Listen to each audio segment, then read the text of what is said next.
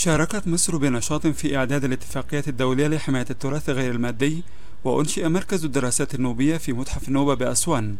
كما ترجع فكرة إنشاء المتحف إلى عام 1982 عندما تبنت منظمة اليونسكو إنشاء متحف الحضارة ومتحف النوبة بأسوان والذي يضم قسما للتربية المتحفية كما يقول الأثري الدكتور حسني عبد الرحيم مدير عام متحف النوبة بأسوان.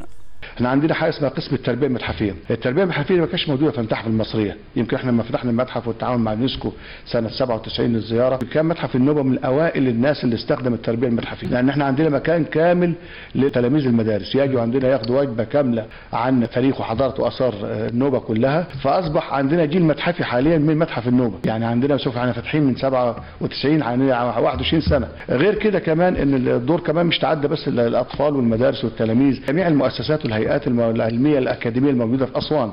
ويقوم قسم التربية المتحفية بأنشطة عديدة منها إقامة المعارض المختلفة للطلبة والطالبات بالإضافة لتنظيم المحاضرات والندوات بهدف رفع الوعي بأهمية الحفاظ على التراث. التقينا مجموعة من طالبات كلية التربية النوعية بجامعة أسوان أقمنا بعض المعارض بمتحف النوبة بأسوان. إحنا تبع الكلية جايين نعمل معرض انشطه بنعمل ترم أول وترم تاني. النهارده معرض خصوص قسم التصوير وقسم التصميم. أهم حاجة في المعرض المكان المتحف النوبة أول مرة معرض الكلية يبقى في المتحف. مكان معروف عالميا طبعا متحف معروف مكانه في أسوان. إن إحنا نفسنا نيجي نعمل معرض هنا دي إضافة كبيرة لينا. إحنا شاركنا في المعرض من أول الس... يعني كنا هنبتدي منه من أول السنة. وشاركنا مع الدكتورة رانيا والدكتوره من جمال وطلبوا مننا المشاريع. المتحف أضاف لينا ان إن في تراث في البلد وإن إحنا ممكن نشارك اللوحات بتاعتنا في الأماكن المفتوحة لأن اللوحات بتاعتنا كتيرة جدا.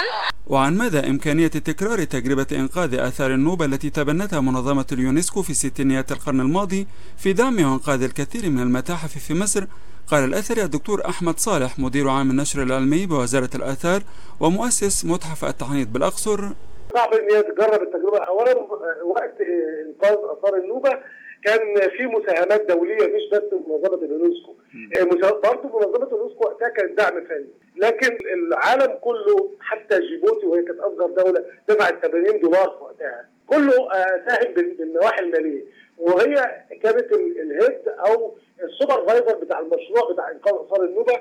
ولذلك ده مشروعها اللي قامت اللي قامت عليه الأسس بتاعت اليونسكو. نعم. إنما كونها إن هي هتعمل حاجة دلوقتي في الوقت الحالي أنت عارف حتى متحف النوبة ده بمساهمات مصريه لإن أنت عامل طابع بتفرضه على كل اجنبي بيدخل مصر من خلال السفارات المصرية اللي موجودة في الدول الخارجيه إن هي بتدفع 2 دولار مساهمة فيها في تطوير وإنقاذ معابد النوبة.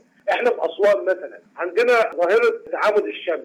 فلماذا لا يقام متحفا للفلك؟ لأنه إحنا محتاجين ده متحف الفلك عندنا القطع الاثريه جاهزة عندنا الأماكن ممكن نعمل فيها متحف وده اللي ممكن يحصل لو اليونسكو طبعا ضغطت أو ساهمت أو دعمت فنيا هذا المشروع. ويطالب الأثري الدكتور حسني عبد الرحيم مدير متحف النوبة بأسوان من منظمة اليونسكو بضرورة المساهمة في نشر وجمع التراث الشفهي لأهل النوبة بأسوان.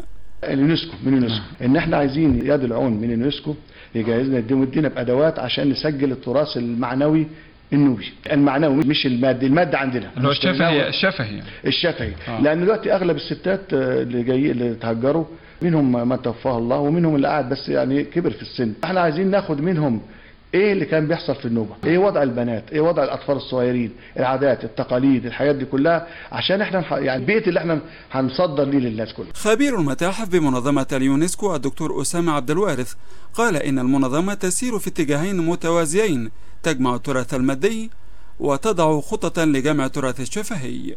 إزاي نحافظ على التقاليد المجتمعية داخل المتاحف على أساس إن هذا العام وهيبقى هذا الموضوع هو المحور الرئيسي اللي هتشتغل عليه المتاحف خلال الفترة الجاية خلال السنة دي كلها. وكمان هيبقى نفس النمط ده هيبقى هو العنوان الرئيسي للمؤتمر الدولي للمتاحف السنة دي في سبتمبر القادم في, في مدينة كيوتو في اليابان. اليابان آه.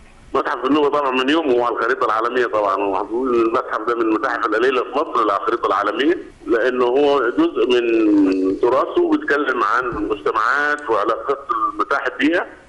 والنماذج اللي زي دي هو اللي بيدعو المجلس الدولي المتاحف إن تبقى هناك نماذج كثيره في العالم بس هذه المتاحف اللي بتعبر عن مجتمعات بعينها وإظهار ثقافات وتقاليد هذه المجتمعات داخل العرض نعم. المتحفي من خلال شقين.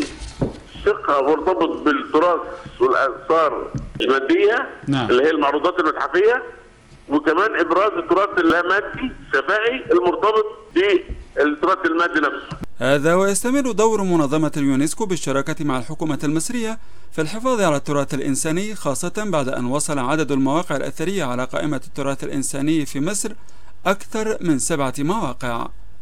خالد عبد الوهاب لأخبار الأمم المتحدة.